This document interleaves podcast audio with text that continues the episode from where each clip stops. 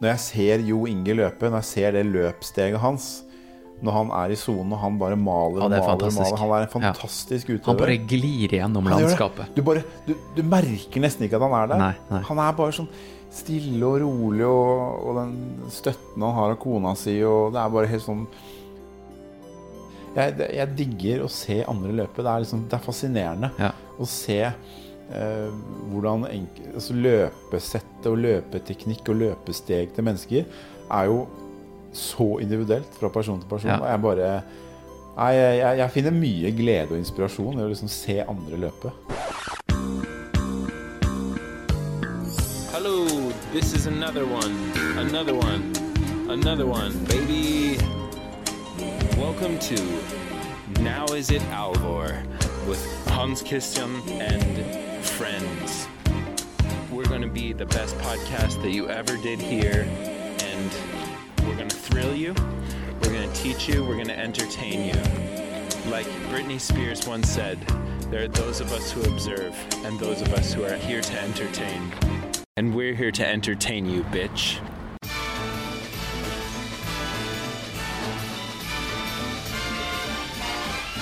It's the most wonderful time of the year. Fordi vi har hatt den der, denne her, her nå, som er sånn eh, årsoppsummering-ish-aktig. Den har vi hatt ja, i år, 2021. Så hadde vi den i 2020. Så hadde vi den i 2019. Stemmer det. Så det er tredje året. Og så var jeg nok da hos deg i 2018 første gang. Ja. Og eh, 2019, da var vi i en Airbnb på Torshov. Ja, det var på Torshov, var det. Stemmer det. Året før korona. Ja. Eh, Og det var da Det var fordi jeg leide ut leiligheter. Mm. Eh, Og så var vi her i fjor, og så er vi her nå. Ja. Det her er jo da Det her er min favorittepisode. sånn helt er- seriøst. Jeg gleder meg til den her helt siden i fjor. Mm. Det er uh, uh, Å bare komme hit, uh, det har vi jo snakka om før òg, det gir meg så mye positivt overskudd, så mye energi, å sitte her og snakke med deg om året som har vært, eh, uten egentlig Vi har litt mål om ene, men også litt sånn å bare snakke fra, fra hjertet om det vi har lyst til. Ja. Om ting som, eh, som vi liker, og som vi er opptatt av. Nei, altså, og det vi er opptatt av, det er jo eh, veldig mye idrett, men ja, også litt andre ting, da. Mm. Men eh, hva som har skjedd i år, da, Thomas, på, for din del? For min del, det året her har vært altså helt uh, Hva skal jeg si? Det har vært helt vanvittig på mange måter. Uh, På en bra måte? på en helt utrolig bra måte. Um, jeg tok jo et valg uh, når Norge gikk i lockdown første gang, i 2020, om at uh, det var på en måte Korona skulle jeg brukt noe positivt. Ha fokus på de tingene som jeg kan fokusere på, og prøve å engasjere meg litt mer i, i noen av hjertesakene mine. Og det, og det gikk jo veldig bra. Og da fikk jeg jo et uh, ganske idiotisk eh, påfunn uh, etter at jeg løp syv maraton på syv dager i fjor. Og jeg da bestemte meg for at i år, 2021, skulle jeg bruke ferien min på å løpe 30 maraton på 30 dager.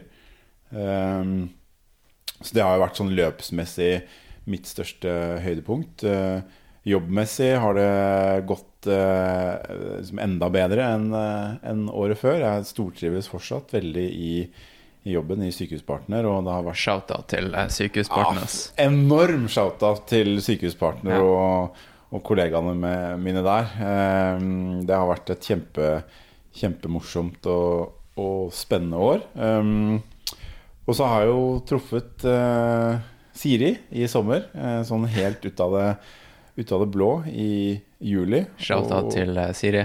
Veldig shout-out til Siri, eh, som jeg er eh, elsker så høyt og har blitt så glad i. Og det å treffe kjærligheten er jo veldig fint. Det vet jo du også om eh, Ja, ja. alt om Christian. Ja. Um, Husker du i 2018? Da var vi to single dudes det stemmer, det. Uten noe mål og, og mening. Det var bare helt Det var helt dødt. Og da tror jeg vi også sa det at uh, vi utfordra damene til å sende oss uh, meldinger. Men det var ganske, det var ganske tørt i innboksen min den gangen der, for å si det sånn. Min også. altså. Så eh, Hva med ditt år, da? Hvordan har det vært? så langt? Nei, jeg vil si at det har vært et uh, bra år. Eh, eh, Terningkast seks, egentlig. Mm. På alle mulige måter.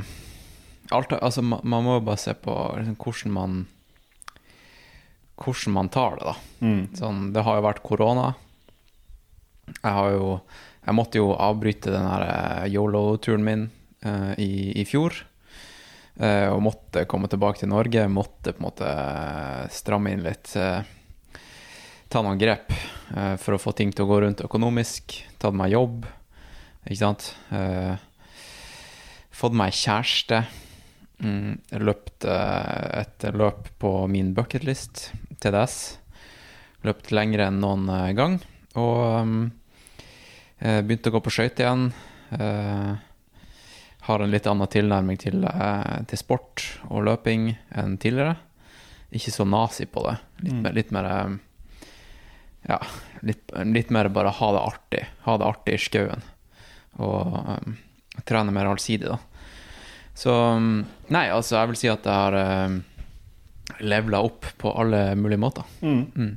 Det er, eh, det er så godt å høre. Og det er så Det jeg liker, da, er på en måte det derre uh, At vi hele tiden Og det opplever jeg at du er, og det opplever jeg at jeg selv er, sånn i stor grad. Å være opptatt av, av hvordan vi faktisk har det, og hva vi ønsker å gjøre ut av dagene og ut av livet. Og, og, og det å gjøre liksom justeringer underveis. Og være bevisst på hvilken retning vi ønsker å gå. Da. Mm. Og jeg kjenner meg også veldig igjen i det med, det med sport, og særlig løping. eh, At det også år i år har liksom gjort at jeg har fått en litt annen eh, Litt annen tilnærming nå, tror jeg, til, til løping og ultraløping og trening sånn generelt sett. Da. Har du et sunnere forhold til eh, løping? Jeg, jeg jobber med det. Mm. Etter eh, 30-30 så Så ble, det ble et tomrom. Altså jeg, jeg gikk ikke i kjelleren, men det var et tomrom i form av at jeg hadde bestemt meg for å ikke ha noe mål etter det. Og liksom bare 30-30 har på en måte vært mitt, mitt eh, Mount Everest. Eh, og jeg har nok hatt behov for å roe litt ned eh, i etterkant av det og prøve å finne Ikke ha så veldig sånn strukturert forhold til trening, men trene mer på lyst og være litt mer ute i skogen, fjell, gå mer turer. Begynte å gå på ski nå, eller har planer om å begynne å gå på ski. Eh, trene styrke. eh, Løpe veldig mye mindre enn det jeg har gjort tidligere. Eh, og være litt snillere med kroppen og kjenne litt på hvordan, hvordan det faktisk er. da Ikke ha et veldig sånn konkret mål foran meg, og så la det heller bli litt som det eh, Ta det litt som det kommer.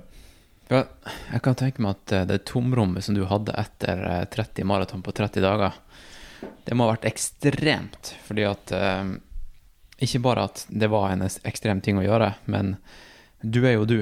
Og jeg vet at du har Da du hadde coach, og han tvang deg til å ha hviledag hver, hver mandag, så var det et ekstremt tomrom på mandager. Ja.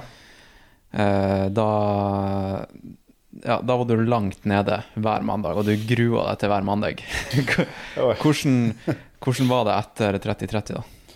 Eh, det var liksom morsomt fordi eh, det ble et veldig antiklimaks den siste dagen. Eh, det var, jeg, den dagen ble liksom delt i to. Eh, for da gjorde jeg unna første halvdel på Nesodden. Jeg løp eh, rundt og rundt på Berger stadion eh, i 15-16 km.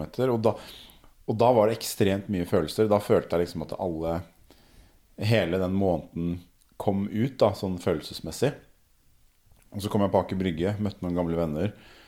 Eh, som da ble med på de siste 17-18 km. Tok du båten over? Ja, Ja. tok båten over. Ja. Um, og det var et, eh, et antiklimaks. eh, Det å være ferdig eh, Når jeg var ferdig, og liksom, så, så, så følte jeg egentlig ingenting. Følte ikke noe glede, følte ikke noe, ikke noe sorg. Det var bare Jeg var helt sånn kjølig. Da ville jeg på en måte bare være for meg selv. Dra hjem. Hadde ikke noe Nei, det var helt rart. Det var helt sånn, nesten, nesten litt sånn følelsesløst. Det må ha vært rart, altså. Ja. Kan tenke meg at når du har drevet planlagt eh, 30-30, så har du sett for deg at dag 30 ville være en sånn høydepunkt. at da vil du bare føle, føle på hele følelsesspekteret og bare være i en eufori. Ja, Men i stedet så følte du ikke en dritt. Nei, og det er liksom morsomt, fordi i går, etter at jeg hadde vært på en løpetur eh, sammen med Siri og folkene i Nesodden Trailrunning, så satt Siri og jeg i badstue i halvannen time. Eh, og da snakka vi litt om litt sånn forventninger som jeg hadde i mitt hode til den siste dagen under 30-30. For jeg hadde, jeg hadde nok forventa at det skulle være hundrevis av mennesker eh, som hadde tenkt å møte opp og bli med og støtte og heie. Jeg hadde sett for meg at eh, presset var der, og TV 2, NRK og liksom full pakke. Eh, og så var det liksom ingenting. Eh, og sånn i et, etter, altså Når jeg ser tilbake på det nå, så gjorde ikke det noe. Men, men akkurat den dagen der Det var faktisk sånn Jeg var litt skuffa og litt lei meg over at ikke eh, det på en måte var noe sånn Jeg hadde kanskje helt sånn overforventninger til, til den siste dagen. Da, at det virkelig skulle bare Og så ble det Men så ble det jo bare en helt sinnssykt fin avslutning. Fordi det kom jo eh, to stykker fra Skien som hadde kjørt bil på morgenen fra Skien. To karer, eh, Halvor og Robert, eh, som jeg har spilt fotball med helt tilbake på tidlig 90-tall og eh, tidlig 2000-tall. Eh, sånn at det ble jo bare en helt sånn Det var skikkelig sånn trip down memory lane. Så det ble jo helt fantastisk. Men, men så ble det et veldig antiklimaks når jeg var, da var ferdig. Og, og da var jeg ferdig. Dagen etterpå så var jeg ferdig. Og da ble jeg jo grisesjuk, da, selvfølgelig. Det er typisk. da. Ja. Da, og lå var en uke hvor jeg var bare helt ødelagt. Så Hvorfor tror du det er sånn, egentlig? Det er helt sykt hvordan du, når kroppen er stilt inn på skal gjøre noe, prestere noe, dag etter dag etter dag, så, så, så tror jeg bare Når, når du er ferdig, så slitt, da bare skjønner kroppen at eh, jøss, er det over nå? Kan jeg slappe av nå? Da bare kommer det.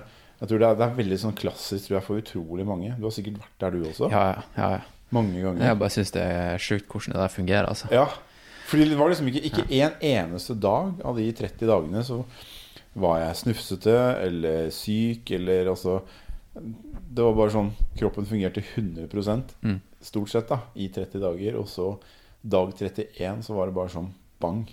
Men i fjor når du eh, løp eh, syv maraton på syv dager, så fikk du jo en god del eh, media med deg. Da var du jo på, på God morgen Norge, Ja. til og med. Du merka ikke noe sånt i år. Nei. Hva, hvorfor ikke? Det var nok et valg jeg selv tok. Eh, fordi hadde jeg vært liksom offensiv og tatt kontakt med, med de ulike mediene og journalister som jeg kjenner og sånt, så, så, eh, så hadde det sannsynligvis blitt eh, mye, mye mer. Um, men jeg var veldig sånn Rett før jeg starta, så tenkte jeg at fader, jeg trenger å ha fokus. Jeg må, jeg må ta bort en del elementer.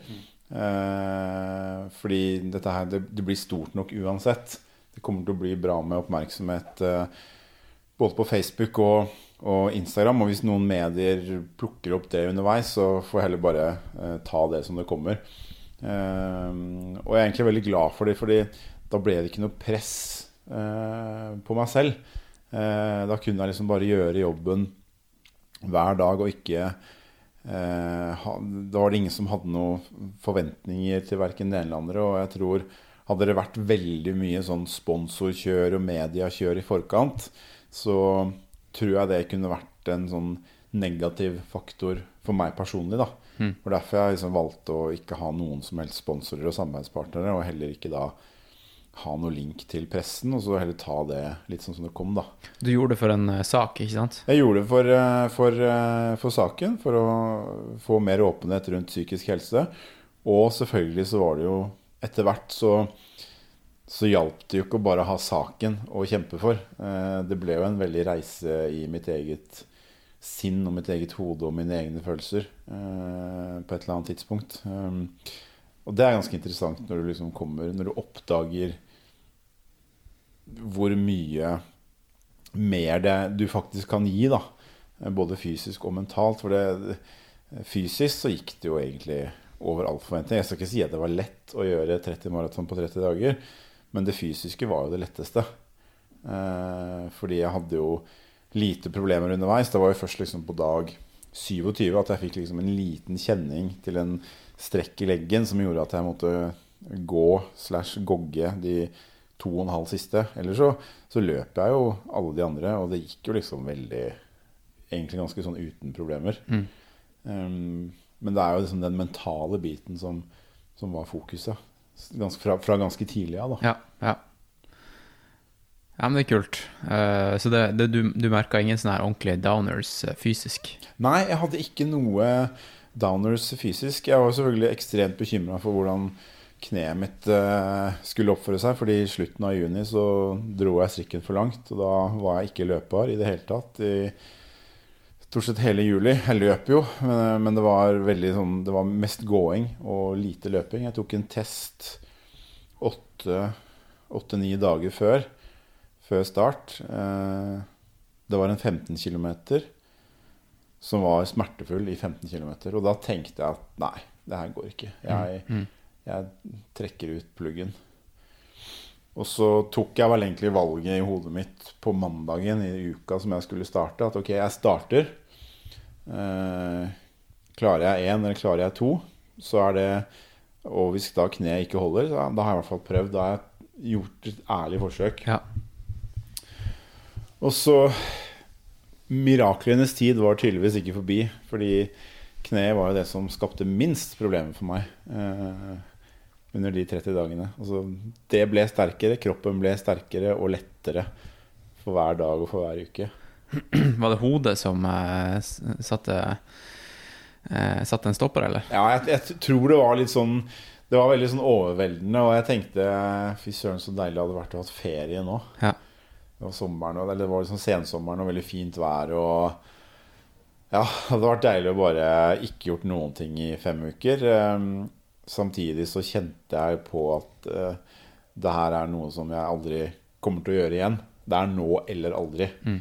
Ehm, hadde jeg måttet dratt inn pluggen pga. skade, så hadde jeg, hadde jeg nok neppe orka å flytte det ett år, ett år frem i tid. Ja, ja. Fordi det har konsumert livet mitt i et år i forkant. Ja.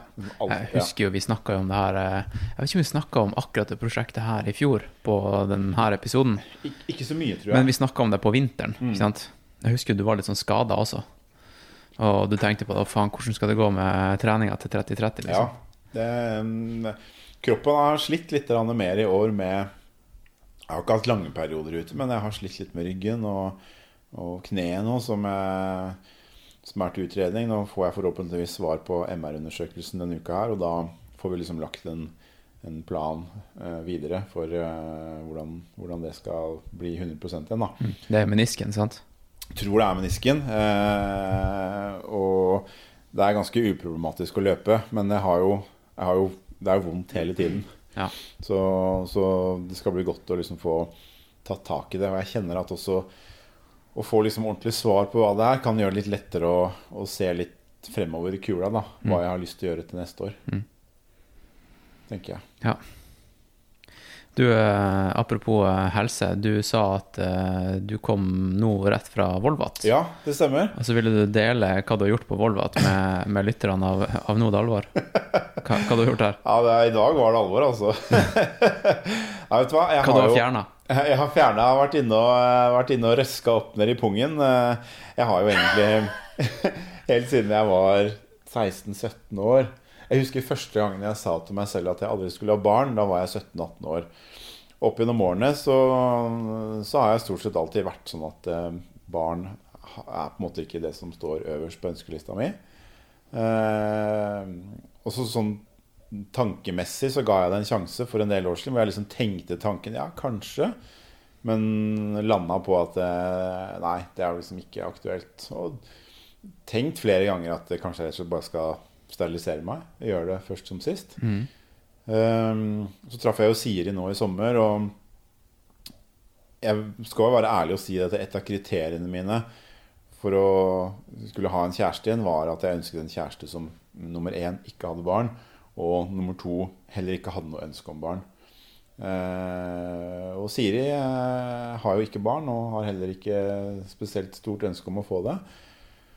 Og etter hvert som månedene har gått nå, så har jeg liksom tenkt litt på det. Og bare ja, Kanskje jeg skal gjøre dette her først som sist, så er jeg ferdig med det.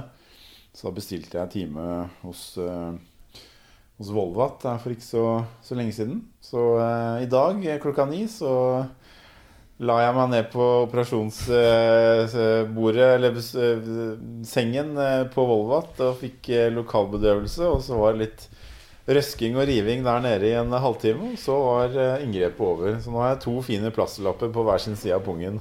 Ja, for hvordan det der fungerer? Altså, de, de, de klipper dem noe Ja, det er sånn som det, sånn som det fungerer. Eh, Først så må jeg jo gi en, eh, en utrolig kudos til, til Volvat medisinske senter og operasjonssykepleieren som var der, og urologen. Jeg husker ikke helt navnet hans. Vassli, hva han het. Eh, fantastisk fine folk. Eh, De var utrolig eh, sympatiske, empatiske, og det var bare Det er liksom to ting jeg har litt sånn skrekken for. Det er å gå til tannlegen, Mm. for det er, du er veldig sånn forsvarsløs. Eh, og så er det Og det andre er å operere pungen. Operere det har jeg altså skrekk for. Ja, det der å Og noen fremmede skal røske Og så kommer jeg inn på operasjonsstua, da, og så sier sykepleieren Så da er det bare å kle, kle av deg alle klærne nedentil. Og det er klart det der litt sånn Ok, skal du, skal du se penisen min og pungen min? Bare ja, ja. Så bare var det å eh, kle av seg, legge seg ned. Og det er liksom litt sånn morsomt, fordi du ligger da, ikke sant, det er det lyset i taket som lyser ned på, på, Ja. på Ikke sant? Eh, og så tar de sånn eh, Sånn papirgreie foran, så ikke jeg skal se noe. Og så kommer kirurgen da og forteller litt om Ja, nå setter vi først en, en sprøyte på den ene sida, og så vil du kjenne litt rys, litt sånn rysking og litt napping og uh, Så er det da, gjør de da et snitt på ene sida av pungen. Og så går de inn, uh, og så kapper de av et eller annet uh, inni der, da.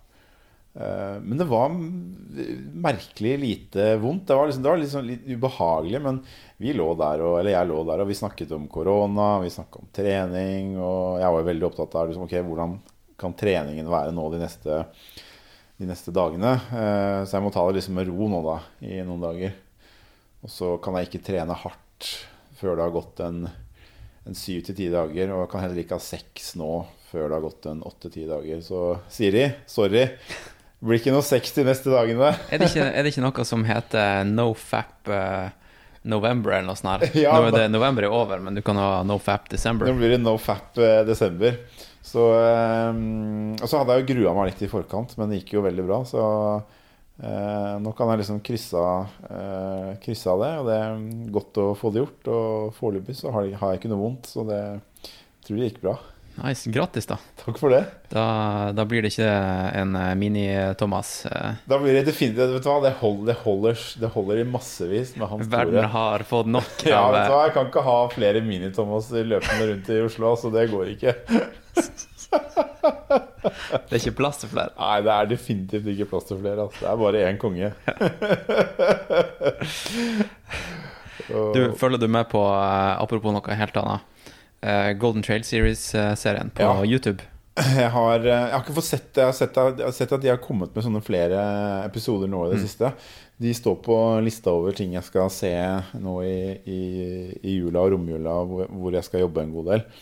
Eh, Men jeg har jo sett eh, noen av de episodene, og jeg syns jo de er eh, De er ganske bra produsert. Det er jævla fett. Jeg, jeg, ser jo hva de prøver på. Ja. De prøver på å liksom gjøre det, det samme som Formel 1 ja. har gjort. Mm. Eh, men eh, de får det ikke like bra til. For jeg tror ikke, ikke at uh, folk som ikke driver med fjelløping, eller er liksom inni den bobla, uh, virkelig kan skjønne hva det, hva det går i, liksom. Nei. Men for oss som er inni det, så tror jeg at det, Altså, jeg syns det er jævlig fett, da. Du får, du får jo et, eh, et innblikk i, i ulike løpere, både kvinner og menn, og hvor, ja, hvor, hvor, hvor høy, høyt nivå da, det er på, på mange av de løperne. Og ikke minst sånn, Og jobben som står bak, all jobben som er bak. ja, ja, og hvor de bor hen. ja, eh, geografisk sett. Altså, altså fjelløping, altså natur, landskap. Det er jo helt, eh, det er jo helt episk. Eh, og det er jo utrolig kult at eh, det faktisk var en nordmann som eh, gikk gjennom og vant hele Golden Trails-serien i år. Eh, Vi skal jo kåre litt, eh, det er derfor vi er her. ja, Vi skal jo snakke om eh, årets løpebragder, og bare snakke om løpeåret som har vært. mm, Eh, og så skal vi kåre Dele ut årets Neda-pris. mm, Og han Stian Angermund er jo på den lista der Ja. eh, over eh, folk som skal få en shout-out. definitivt. Men den podkasten her, da, den er jo på en måte litt mer retta til eh, lange, lange fjelløp. Mm, Så han eh, Stian, han har løpt eh, han, er, han er definitivt Norges beste fjelløper. ja. Det, det er ikke noe tvil. Det er ikke noe tvil om. Uh, og det, det som er liksom interessant, er jo å, å, å se litt bak de prestasjonene som han gjør, da. Eh, hva det krever, uh, både fysisk og mentalt. Men så er det liksom hele typen Stian. Han er, han er alltid Han smiler alltid. Stort sett alltid et smil på lur og har en veldig sånn positiv um, Jeg tror liksom alle liker han. Jeg har aldri hørt han banne. Nei, Eh, det, ja, for du har, du har jo møtt han flere ganger og snakket med han. Og, ja, jeg, bodde jo hjemme hos han eh, i fjor sommer, Ja. ei, ei uke. ja. Og da kom jeg virkelig på innsida liksom, og så hvordan han trente. Mm. Og da, da hadde ikke han ferie. Da jobba jo han på denne skobutikken. Mm.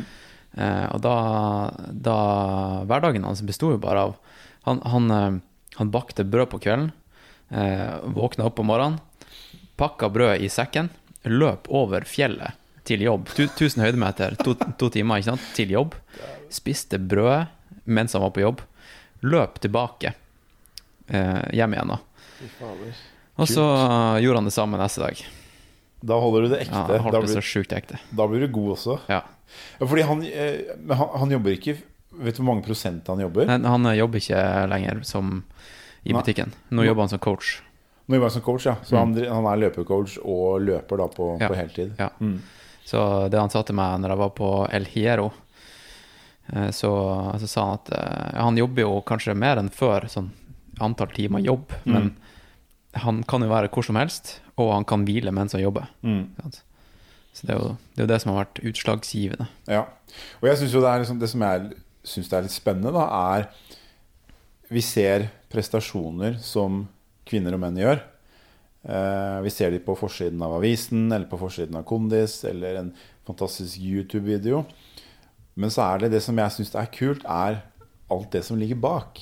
Den, den jobben som disse individene driver med, både fysisk og mentalt. Alle de timene som det har tatt Stian, da, eksempel, Ja. eh, å bli så god som han har blitt. eh, Som da blei toppa med å vinne, vinne Golden Trail. eh, Det er liksom ikke få kilometer, få timer og få høydemeter han har lagt ned over så mange år da, for Nei, å komme på det nivået der. For det nivået er jo, er jo skyhøyt i, i Europa på den, den serien. Um, Det er gigantisk idrett. det er en enorm Det er, så, det er, det bare Det har blitt større og større og større. Du ser jo det. Det er jo utrolig mye tilskuere og mye folk på disse løpene. Også i Norge også begynner det å plukke seg opp nå. Ja, det Sånn, jeg husker jo når jeg begynte kanskje med Ja, når jeg kjøpte min første løpevest, Salomon eh, Salomon løpevest i var 2015, kanskje, Mm. så bodde jeg nede på um, eh, ja, Langt nede i sentrum. Ned, nede med blå der.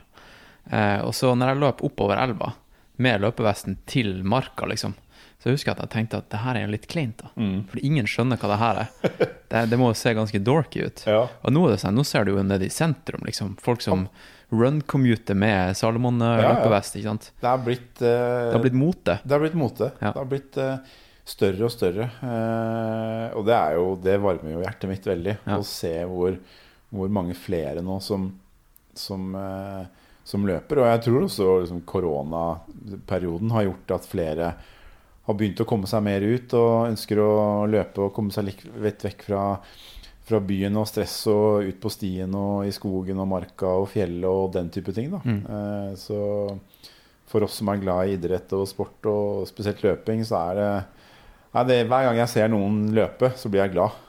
Rett og slett. Jeg også. Jeg, også. Jeg, jeg må liksom eh, Det kan se ut som at jeg liksom snur meg og ser på rumpa til vedkommende. Jeg, jeg bare ser på en løper. Altså, alle typer løp, løpebevegelser er bare fascinerende. Ja, jeg er helt enig. Jeg kan, jeg kan sitte og tøye på sats Mm. eh, og bare, bare speise ut med å bare se på en som springer. Ja, jeg også gjør det. Jeg, ja. det er, jeg, jeg digger å se andre løpe. Det er, liksom, det er fascinerende Ja. å se hvordan enk, altså løpesettet og løpeteknikk og løpesteg til mennesker er jo så individuelt fra person til person. Ja. Og jeg bare jeg, jeg, jeg finner mye glede og inspirasjon i å liksom se andre løpe. Det finnes ingen stygge, stygge løpesteg. Nei, det gjør Og, ikke det. eh, det eneste som Altså Noen folk vet jeg kan stusse litt over Camille Herron sin, eh, løp, sitt løpesteg.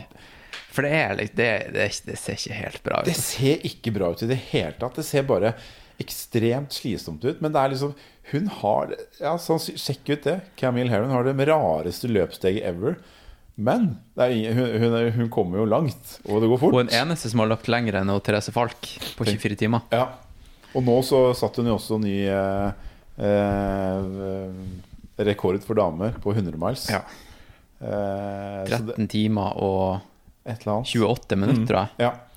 Så det er en, eh, det er en, herlig, en herlig måte Eller ja, å se henne løpe, den teknikken der. eh, For det ser Du tenker bare 'her er det noe gærent'. Ja, ja. Men, Men, den, men jeg, jeg, jeg hørte en podkast med henne, og hun er Hun har en issue, skjønner du. Det er en grunn til at hun springer som hun springer. Oh, ja. okay. Jeg husker ikke helt hva det var, men det er ikke bare fordi at liksom, hun har valgt å springe sånn. Mm. Hun har noe medfødt. Ja. Jeg husker ikke hva det var, men det er en, det er en årsak. Det er en årsak, ja. ja. Hun var også i en eh, heftig bilkrasj for et par år siden. Hun var det, ja. Ok. Eh, jeg vet ikke om det har noe med saken å gjøre, men Mm. eh, Ja. ja det, er, det er fascinerende å se på. Det er ikke noe tvil om. du, noe annet som har skjedd i år, da, det er jo det at uh, dekninga av fjelløp og ultraløp har blitt sykt mye bedre. Ja. Det har tatt et jafs. Mm. Nå er det ikke lenger bare UTMB som har crazy bra dekning. Nei, nå er det eh, flere og flere aktører. Og det jo, jeg har jo sett flere løp eh, live på YouTube eh, hvor det er kommentatorer, og det er Ja, det er utrolig kult å se på. Og et lite høydepunkt for meg i år på den fronten der syns jeg liksom var når jeg satt og så på Western States, og Dylan Bowman kommenterte Han er forresten en helt ja, du har jo snakka med-. Han virker bare som en he helt utrolig herlig type. Mm.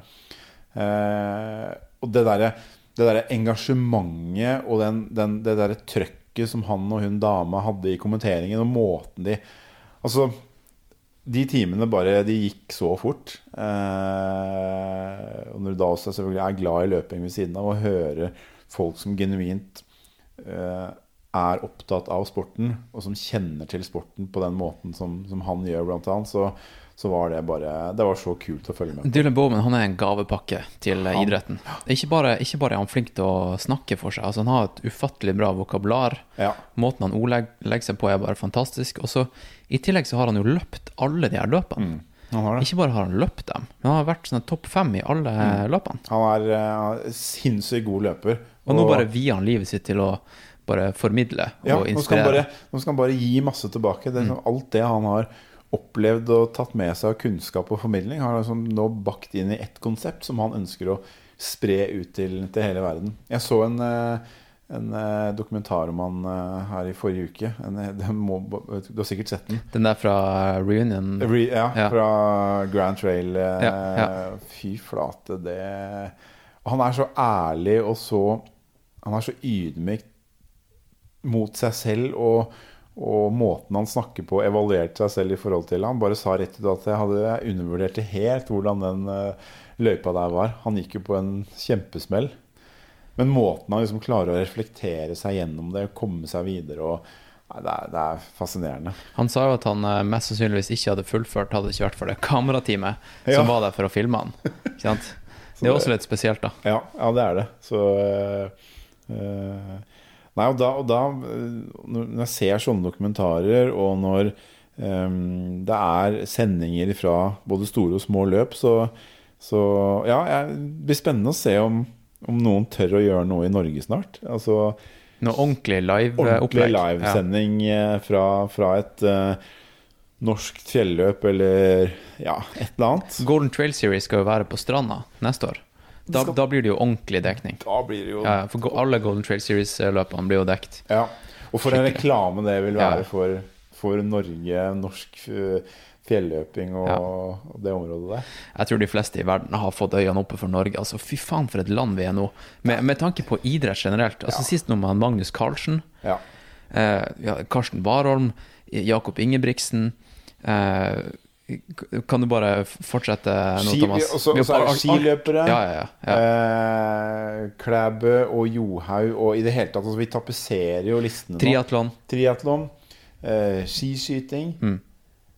Eh, crossfit har vi jo et par stykker som er i verdenstoppen.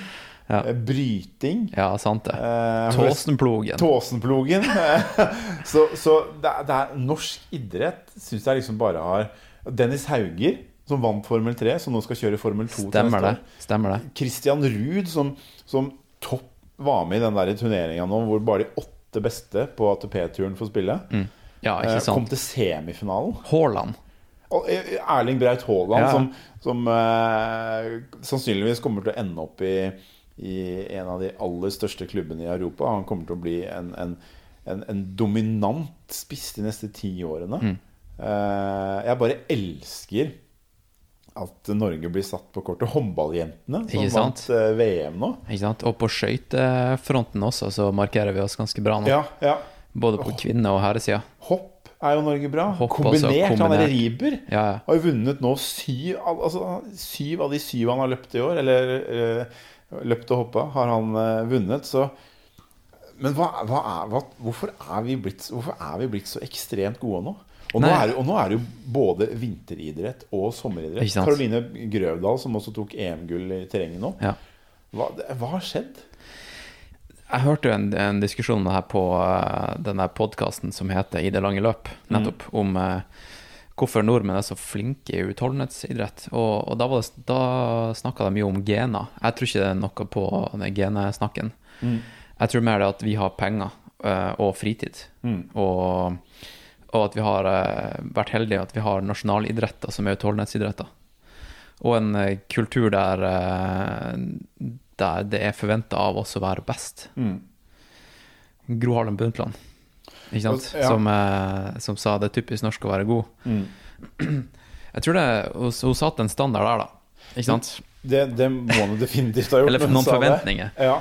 Og så, jeg, har jo, jeg får jo med meg litt sånn diskusjoner innimellom at det er det er jo det er ikke sikkert det er så mange som mener det, men det er liksom stadig vekk noe med eh, at Idrettsforbundet er ditt og datt, og Fotballforbundet er ditt og datt, og disse kretsene er ditt og datt. Men Vi gjør det jo bra i Paralympics. Paralympics er vi jo dritgode. Ja. Så, så jeg tenker det gjøres, det jobbes innmari godt Ja. på alle nivåer. Eh, og har du lyst til å bli god i en idrett, så er Norge et ganske bra land å, å være i og satse på. Det er det, altså. Ja. Um, så det blir uh, og, og, og det stopper ikke med det som er nå. Jeg tror liksom vi kommer fortsatt til å se Det kommer, det kommer stadig vekk nye navn som tar over for de veletablerte stjernene.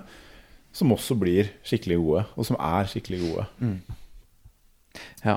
Nei, det blir spennende å se hva som skjer på løpefronten også, altså terrengultra. Ja. Om alle all, denne mediene eh, klarer på en måte å, å rekru rekruttere nye utøvere. da. Ja, jeg håper det. Eh, altså, det All honnør til de, de beste som vi alltid liksom hører noe om. Men er, jeg, jeg håper og tror, og vi så jo på eh, sa jeg til deg også, tror jeg, her om dagen. eh, jeg husker ikke om jeg skrev det, men jeg skulle i hvert fall si det. At sånn, nivået da på Bislett 24-timers i år eh, var jo skyhøyt. Altså, det var jo jeg kan ikke huske så, lenge jeg har fulgt med på ultra nå de siste årene, så mange som løp over 200 km.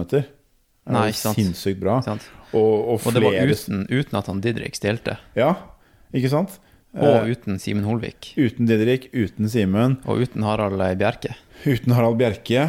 Eh, og på damefronten så var det jo hun Anette Welde Sande eh, stilte jo heller ikke opp. Hun tror jeg kunne gjort det ganske bra. Og, Ja, Ingrid Lid måtte dessverre gi seg. ja, Hun kunne også gjort det veldig bra. Ja, så, så det er eh, den der utholdenhetsgreiene, den der evnen, stayerevnen, eh, eh, er bare helt gigantisk. Eh, så det er ganske gøy å se hva vanlige folk klarer å få til. Da. Og- Sykling også. Ja, sykling har- glemte vi jo helt. Der også har det jo dukka opp bare noen helt sånne sykt store talenter. Leknesund, ikke sant? Leknesund, også han kommer der som vant, han som ble verdensmester for, eh, for junior. Han eh, Jeg husker ikke helt navnet på han. Og ja, han Tobias Foss, som ble nummer åtte i fjor i Spania rundt. Mm.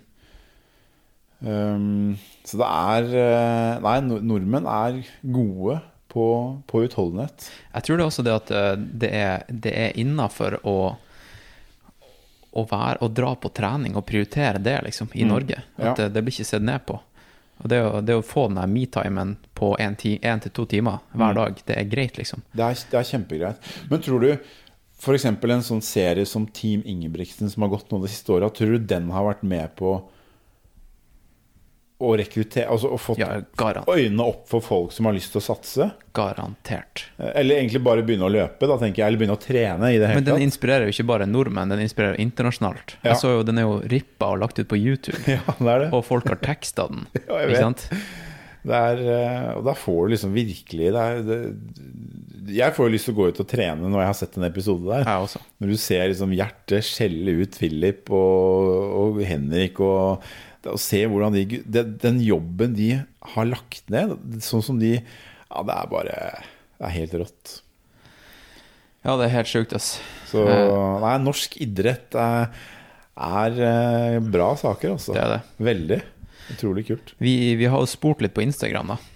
Eh, prøvd å få litt Egentlig ikke for å, for å la Instagram kåre for oss, men bare for å se om den hunchen vi hadde da, om hva som har vært årets, årets eh, bragder, om det stemte. Mm. Sant? Eh, og det gjorde vel egentlig det. Mm. kan jeg kan også røpe det at om en time så skal vi ringe den som har fått prisen. Dæven, Så vi, vi, må en prate om en, vi må prate i en time. Vi må prate i en time. Eh, nå har vi jo prata snart en time allerede, så det, det, det er ikke noe problem, det. Nei, nei. Men det Jeg kjenner at den telefonsamtalen, den gleder jeg meg til. Jeg også, altså. Eh, Eh, Vi må, vi må ikke si kjønn, vi må Nei. si vedkommende. mm, vi må si vedkommende. Ja. Og det har jo vært eh, Det året her så har det vært utrolig mye bra prestasjoner. Både av kvinner og menn. Og det er, det er, det er, det er kjempevanskelig å liksom kåre og plukke ut. Men, men jeg tror på en måte de vi skal snakke om, det er liksom innafor. Det er fortjente prestasjoner. Det som mange har gjort, da. ja. Jeg tror ikke det er noe tvil. Jeg tror, jeg tror ikke det er noen som kommer til å protestere. Nei, det tror ikke jeg heller. Det, det er eh, Det mangler liksom sidestykke Ja. i eh, Jeg vil si liksom i internasjonal idrett. Det Ja. som ble levert der. Ja. Eh, Det er så crazy, ass. ja, det er crazy. Det er fullstendig crazy. Um, Husker du, um, det var vel i for i fjor, at vi drev og rata, eller anmeldte Nei, vi anmeldte vel ikke, men vi analyserte løpesteget til han Kevin McAllister i Ja, uh, Home Alone. I Home Alone. Ja, stemmer det. Jeg så Home Alone 2 her om dagen. ja. Den toeren er ikke like bra som eneren. Bare for å si det sånn. Mm. Den toeren, den holder seg ikke. Det, alle de der, de der tingene som blir gjort mot de skurkene, han Marv og han der andre, det, de ville dødd. Med, med å få bare den første mursteinen i hodet Ja. fra femte etasje, Da er du ferdig. da er du ferdig. Men så kommer det fem til, ikke sant? Da Nei, folkens. Come on, Marv, get up. You don't have any more bricks. He's out of them. What? What? Wow. That did it! Nobody throws bricks at me and gets away with it.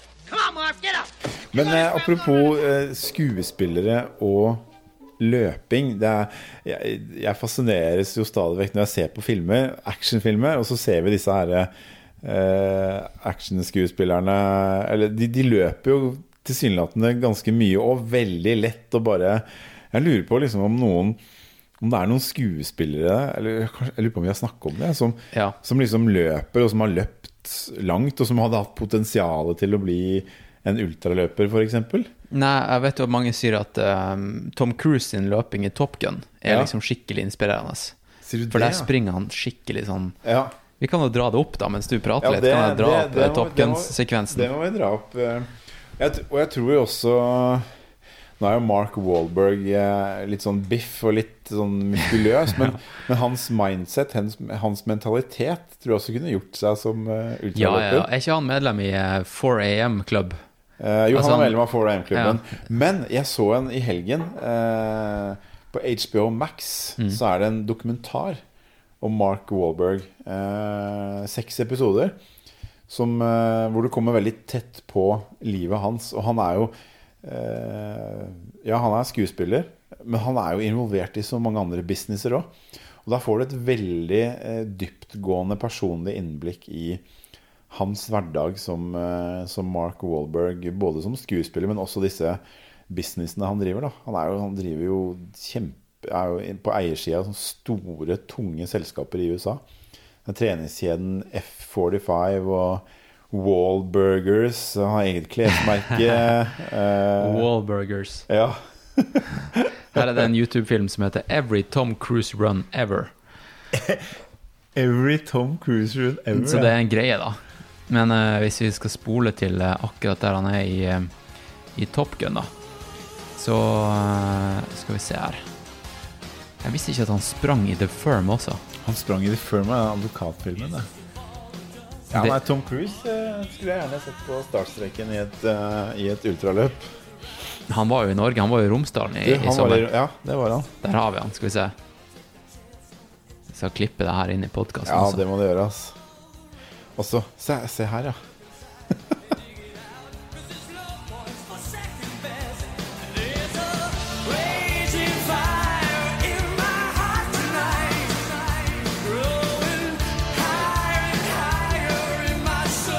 Ser jo Han ser like sprek ut eh, nå som han gjorde for eh, 30 år siden.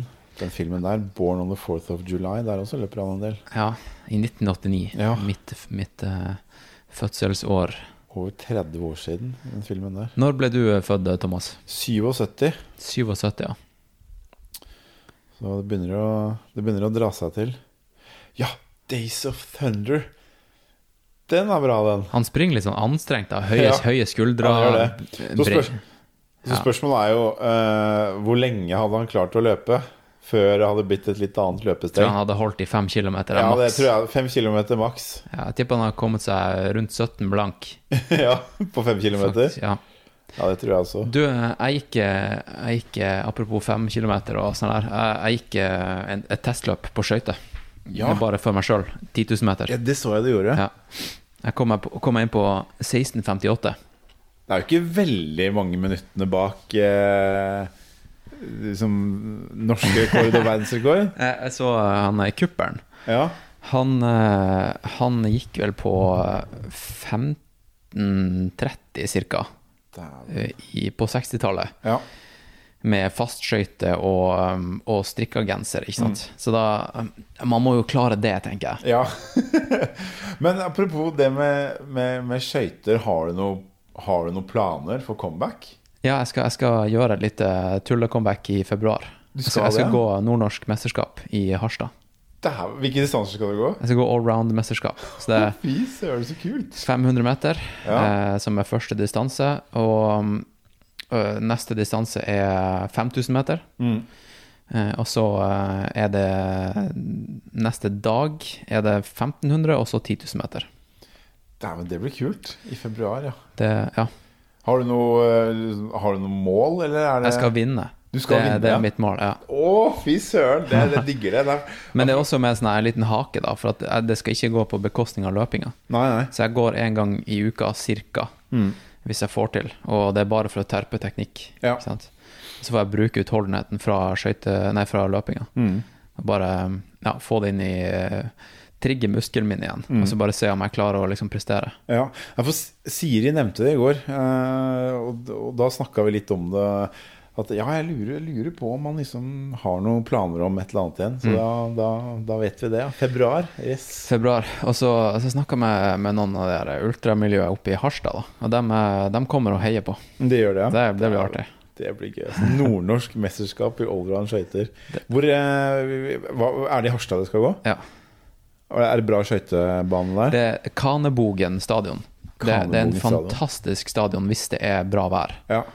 Eh, Hvis det er dårlig vær, er det verdens verste sted å gå på skøyter. Ja, altså- men men som, som regel, alle minner jeg har derfra, er bare fantastisk. ja. Speilblank is og, og, og blå himmel, og som regel så har liksom det her gått da i Etter at sola har kommet tilbake til, Mm. til Nord-Norge i februar-mars, ikke sant. Så det Ja, løpet, løpet bruker vel å starte i sånn 11-tida, og det er akkurat når sola kommer opp. Mm. ja. Så det er fantastisk eh, lys det med alle de fjellene i, eh, i området. Mm. Ja, det blir eh, gøy. Gleder du deg? Jeg gleder meg skikkelig. ass. Ja. Eneste, jeg, jeg, jeg gikk jo den 10 000-meteren bare for å sjekke om jeg tålte distansen. Om jeg klarte å gå i skøytestilling i 10 000 meter. ja.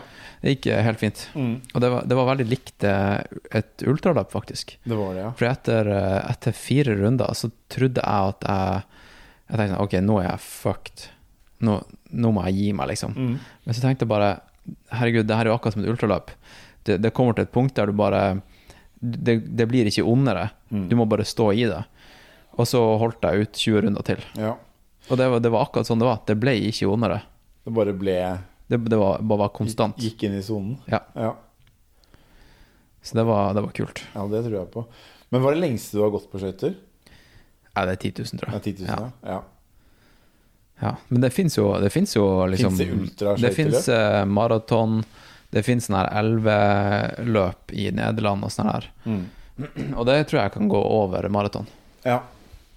Og ja, det fins ultra. Jeg tror det fins 100 km liksom, på bane. På skøyter? Ja, ja. Jeg tror det, altså. Altså, jeg tenker det, det, det må være tungt. Det er så ufattelig tungt. Altså- Men det fins jo ultra-rulleskøyteløp. Ja. Sant? Det, jeg vet at det, på um, Berlin Maraton så går jo ru- rulleskøyteløperne ja først. det, de, det, Mm. det gjør de. Men så er det jo sånn, det er jo hardt nok å løpe 100 km. Så det er klart eh, eh, 100 km på skøyter tar jo mye kortere tid, men det er jo garantert ganske belastende. Mye mer belastende på beina. Jo Ja, eller på altså, melkesyra du får der, er bare i låra Det er ikke sammenlignbart. Tror du eh, Johan Olav Koss var en ren utøver under Lillehammer i 1994? Det vil jeg ikke snakke om her i podkasten. Jeg har ingenting å hente på å oute han.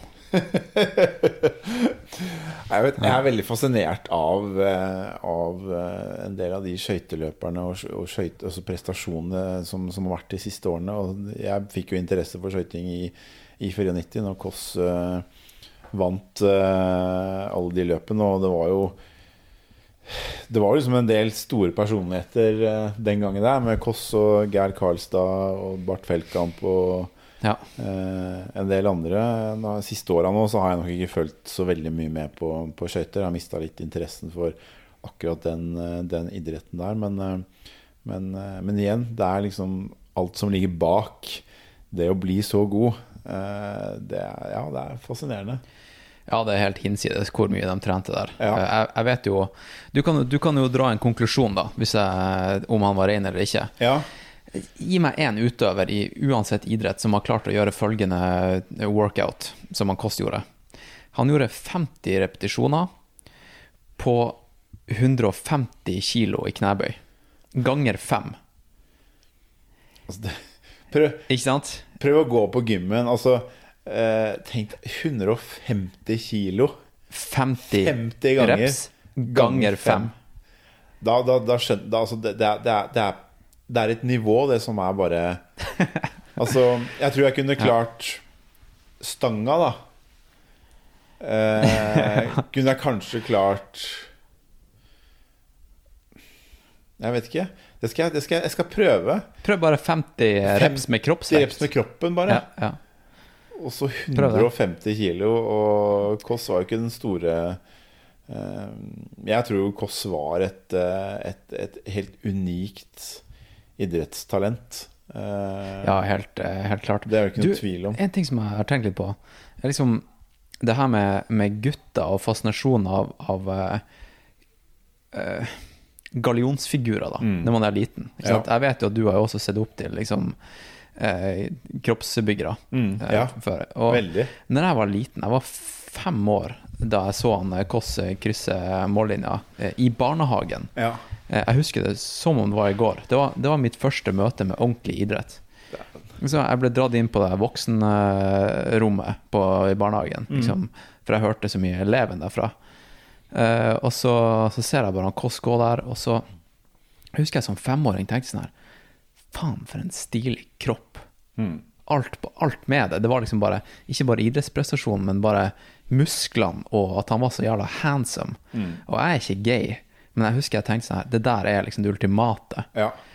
Eh, og, og, og jeg bare lurer på hvor det, hvor det kommer fra. Jeg, jeg vet ikke. Jeg Det er ikke tror- så mye snakk om det her, Nei. egentlig. Jeg, jeg, har, har et uh, veldig sånn klart bilde fra, fra 94. Altså jeg er født i 77. Så i 87 så var jeg 10. Jeg tror liksom Thomas Alsgaard har jeg alltid hatt et sånt ekstremt fascinerende forhold til. Ja, sånn man-crush, liksom. Sånn man-crush. Eh, for det første, han var liksom Han, han skulle ta over hegemoniet etter Bjørn Dæhlie og Vegard Ullevang. Ja. Eh, og så var han liksom Teknisk sett, det var et eller annet Når, han, når jeg så han gå på ski, og særlig skøyting, så var det og Han kunne jo både sprinte og gå langt. Eh, og så den derre Den svære musk... Han var så stor, altså han var så kraftig. Så hadde han jo ekstremt tjukke øyenbryn. Da. Det var jo liksom det som han var veldig sånn kjent for. Men, men det var noe med den stilen hans. Det var så elegant, så teknisk nydelig å se på. Og så var jo også eh, fotball-VM i 94 i USA. Det var jo også en del eh, Stemmer det. spillere der som, som leverte helt sånn eh, utenomjordisk. Ja, det Eh, svenske landslaget. svenske landslaget Ja. som tok, eh, tok bronse. Brolin. Brolin og gjengen. Ja. Og så danskene som vant eh, EM i 92. Eh, så, så det har vært noen sånne utøvere. Jeg har, alltid, jeg har fulgt karrieren til Zlatan Ibrahimovic. han er jo 40 år nå Ja. og leverer fortsatt ganske bra i AC Milan. Hvordan de Og Ronaldo Hvordan de tar vare på kroppen sin og hele tiden liksom pusher og finner De finner alltid noe mer. Eh, det å, men jeg, tror det er viktig og jeg tror det er sunt å ha, ha noen å se opp til. Liksom forbilder. Eh, både kvinner og menn. Ja. Ja, men, eh, ja, men det, når jeg så han Kåss der da jeg var liten, jeg, som, fem, som femåring, så tenkte jeg bare det der vil jeg også bli. Jeg vil ta del i det der. Ja. Så det, var, eh, det var ikke derfor jeg starta med skøyter. Det var jo fordi at jeg vokste opp rett, rett ved siden av en skøytebane. Men uh, helt klart, det gjorde inntrykk. Mm, ja, det skjønner jeg, altså. Um, Men ja, ja. ja. La oss ikke prate så mye om doping og alt sånt. Den, Nei. den podkasten her den skal være gode vibber, Ja. ikke sant? Veldig men, så, Apropos gode vibber. eh, Så du forresten eh, Følger du med på Formel 1? Eh, ikke nå lenger. Jeg fulgte med i fjor. Ja. Ja. Jeg har jo vært helt hekta i år. Eh, Jeg så, jeg fikk jo med meg han, eh, at han Hamilton ikke vant, og at han helt- Verstappen eh, det tok var, det. Den var helt Altså En sånn avslutning på en Formel 1-sesong tror jeg vi aldri kommer til å se igjen. Nei. Avgjort på den måten. Um, men, men altså, hvis du tenker um, Perfeksjonisme innenfor idrett De beste Formel 1-kjørerne i verden Det, det, jeg, jeg, jeg, det, jeg klarer ikke å fatte og begripe at, at det går an da, å levere sånn. Altså, der må du være Du må være fysisk ekstremt god form, men, men det mentale det må jo være helt uh, hinsides, tenker jeg. Du må være så sterk Ja. mentalt. Jeg husker jo min, eh, en av lærerne mine på ungdomsskolen sa at eh, Formel 1-kjørere det var de best trente menneskene i verden. Ja. Og jeg var så sykt uenig. Vi endte opp i en krangel, liksom. Ja. For jeg mente selvfølgelig at uh, skøyteløpere, eller skiløpere, Mm. var de best trente. Ja, det, det er jo en eh, morsom diskusjon, da. Det er en kjempemorsom diskusjon. Og, det, og, og jeg, jeg ser jo stadig vekk, særlig på Twitter, så er det ofte diskusjoner om, om hvem er best, og hva er best. Og jeg tenker det, er, så, det blir litt feil å sammenligne de forskjellige idrettene. Eh, for jeg mener jo at altså, på det øverste, høyeste nivået så, så er alle er gode på sin måte. På samme måte som eh, en person som har som mål å fullføre en maraton eh, på fem timer, f.eks., det er jo også en helt, eh, en helt sinnssyk prestasjon når du vet hvor mye han eller hun kanskje har lagt ned av jobb da, eh, for å klare Ja. i det hele tatt å løpe den maratonen på, på fem timer. Ja. Eh, så eh, ja. ja. Hvordan trener du for tida? Jeg har trent, jeg trener veldig på inn, lyst- og innfallsmetoden, helt uten mål og mening og struktur. Um, Du har løpt mye mer på sti i, år. ja, jeg begynte, jeg begynte i sommer. Det var jo selvfølgelig litt fordi jeg møtte også Siri. Hun er veldig glad i å løpe på stien. Og så ble jeg tvunget til å variere treninga mi pga. kneet. Sånn at da begynte jeg å løpe en del på stien. Så jeg har nok Jeg har ikke sånn ekstremt mange kilometer på stien, men jeg har mer kilometer på stien i år enn hva jeg kanskje har gjort det samme de siste, siste fem årene. Eh, og syns det er gøy. Jeg har løpt eh, intervaller eh, på stien, eh, bakkeintervaller. Eh, ikke løpt sånn kjempelangt enda, men eh, men eh, det vil nok eh, komme et lite skifte til neste år i forhold til Jeg ønsker å løpe litt mer på stien, da, for å variere. Eh, og så var jeg på eh, fjellet i høstferien sammen med Siri. Eh, oppe på eh, De har hytte eh, en mil ca. ovenfor Vinstra, på et sted som heter Lauvåsen. Ja. Og vi var jo litt inne i Rondane og, og gikk i løp eh, hver dag en uke i fjellet. Og det var en sånn mass, det var veldig, det var en massiv opplevelse. Eh, du, du liksom innser hvor, hvor liten du er som menneske, og hvor stor og kraftfull natur og fjell egentlig er. da. Uh, så jeg gleder, jeg gleder meg veldig til å, til å gjøre mer av det eh, til neste år.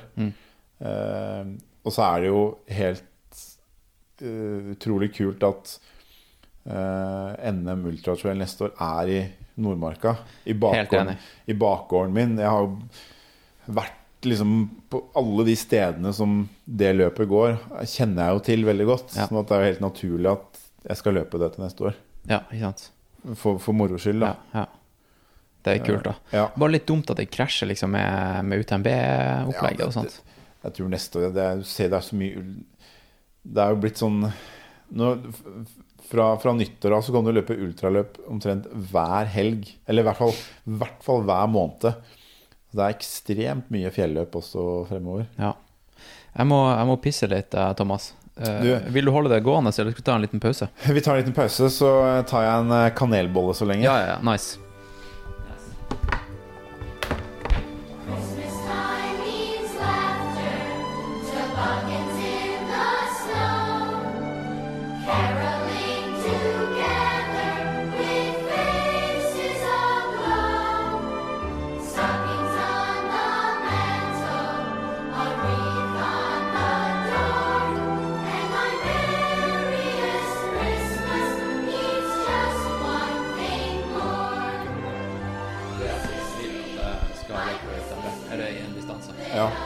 Velge hvilken?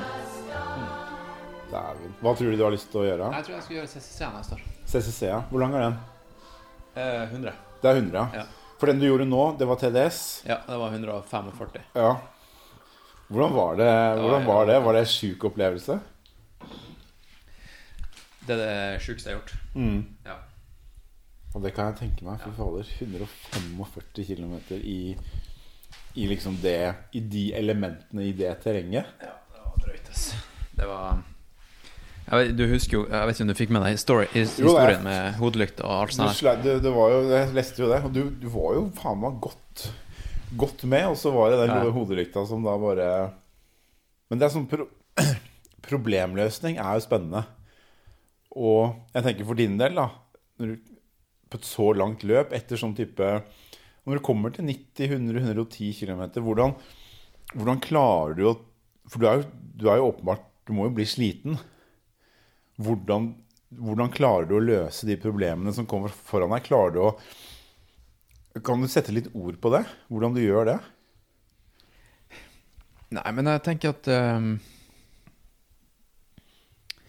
Nei, jeg klarer, jeg klarer ikke helt å sette ord på det, men det, det handler jo bare om å aldri tenke negativt i det hele tatt, for at du må du, Det kommer ingenting godt ut av det.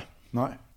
Det er ikke vits å sette seg ned og gråte når du er på toppen av liksom et fjell som er 2500 meter høyt, og det er natta, og det er storm, og det regner. Da, hvis du setter deg ned og gråter da, så, så dør du. Ikke sant? Du må bare tenke hvordan kan jeg best, best mulig løse det her. Og en av um, måtene jeg kunne løse det på, det var jo å returnere. Ikke sant? Eh, men jeg fikk jo um, Jeg fikk jo fiksa lykta til slutt på toppen der oppe. eh, ved, ved siden av et eh, bål som, mm. som noe sånn her eh, det, var, det var en liten checkpoint på toppen av det fjellet der. Eh, Så jeg fikk jo fiksa hodelykta og satt inn nytt batteri, men så var- så varte jo det batteriet bare en time til. Mm. Men eh, hadde ikke jeg fått fiksa den lykta, så hadde jeg DNF-a. Ja. Ja. Fy fader. Nei, det beste Nå spiser jeg rosinboller, eller kanelboller kanelbolle her. Eh, mitt beste minne fra det løpet der, det var etter at jeg hadde kommet meg gjennom natta og kommet meg til eh, nest siste checkpoint, som var på ca. 90 km. Da kom sola, eller da begynte det å bli sånn morgengry. Og jeg var jo jeg var jo i skikkelig god shape akkurat da, så da, da hadde jeg jo løpt gjennom natta og hadde liksom fikk en sånn ny giv.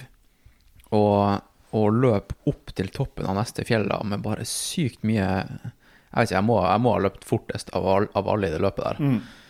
Eh, og så bare hengi seg til naturen. Når sola kommer opp, og du bare ser Mont Blanc i det fjerne, og du bare, du bare driter i prestasjonen, nå skal du bare til mål, ikke sant. Det var egentlig Det var jævlig digg. Så nei, TDS, hvis det, hvis det arrangeres eh, neste år, så anbefaler jeg det på det sterkeste. Altså. Ja. Men så, så nå i etterkant, nå har det gått noen måneder siden du gjorde det løpet. Ja. Føler du at du som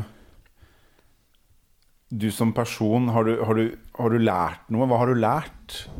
Eller har du lært noe som du har tatt med deg inn i livet? Nei, det, det vet jeg ikke, men jeg tenker at uh, i ultraløp, da, så, så spiller det Selv om man liksom er en uh, topputøver og sponsa og hele pakka der, så så spiller det egentlig ingen rolle hvilken plassering du kommer på. Da. Altså, sånn her, selvfølgelig, du, det, jeg forventer jo av meg sjøl at jeg skal gjøre det bra, men for min del, den dagen, så handler det bare om å komme seg til mål. Og det gjør det jo for de fleste uansett. Og det var bare, det var bare sykt fett, egentlig. Og den Ja. mestringa.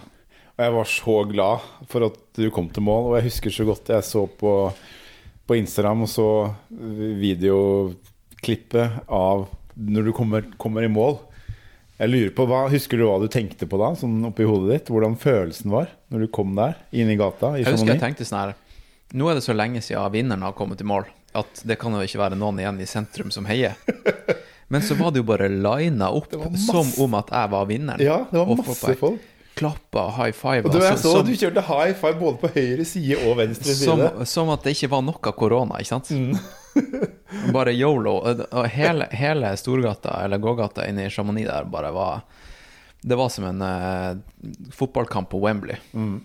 Fantastisk. Ja, det, det Og, og når jeg kom ned av det til eh, eh, Ja, til, til bunnen av siste dalen der, der det liksom gjenstår bare siste mila opp til Chamonix, så, så plutselig så så møter han eh, Simen Vestlund meg eh, der. Ikke sant? Han er lagkameraten i Essex. ja. Og eh, han bare sa Det første han sa, bare 'Det her er det sjukeste jeg har opplevd'. Det var det første han sa.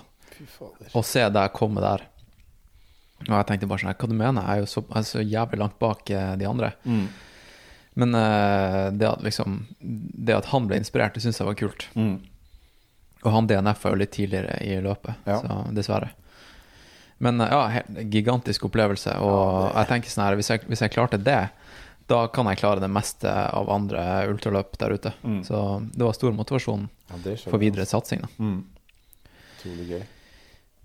Um, jo, det som har skjedd i år, da Vi, vi kan jo begynne å, å, å snakke litt om årets prestasjoner, da, Thomas. Ja.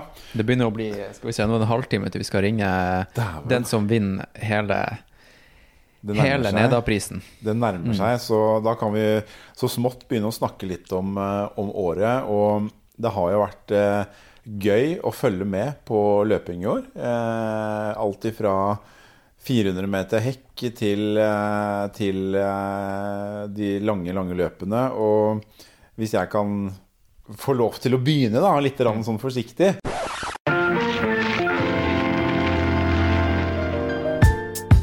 Ok, kjære lytter.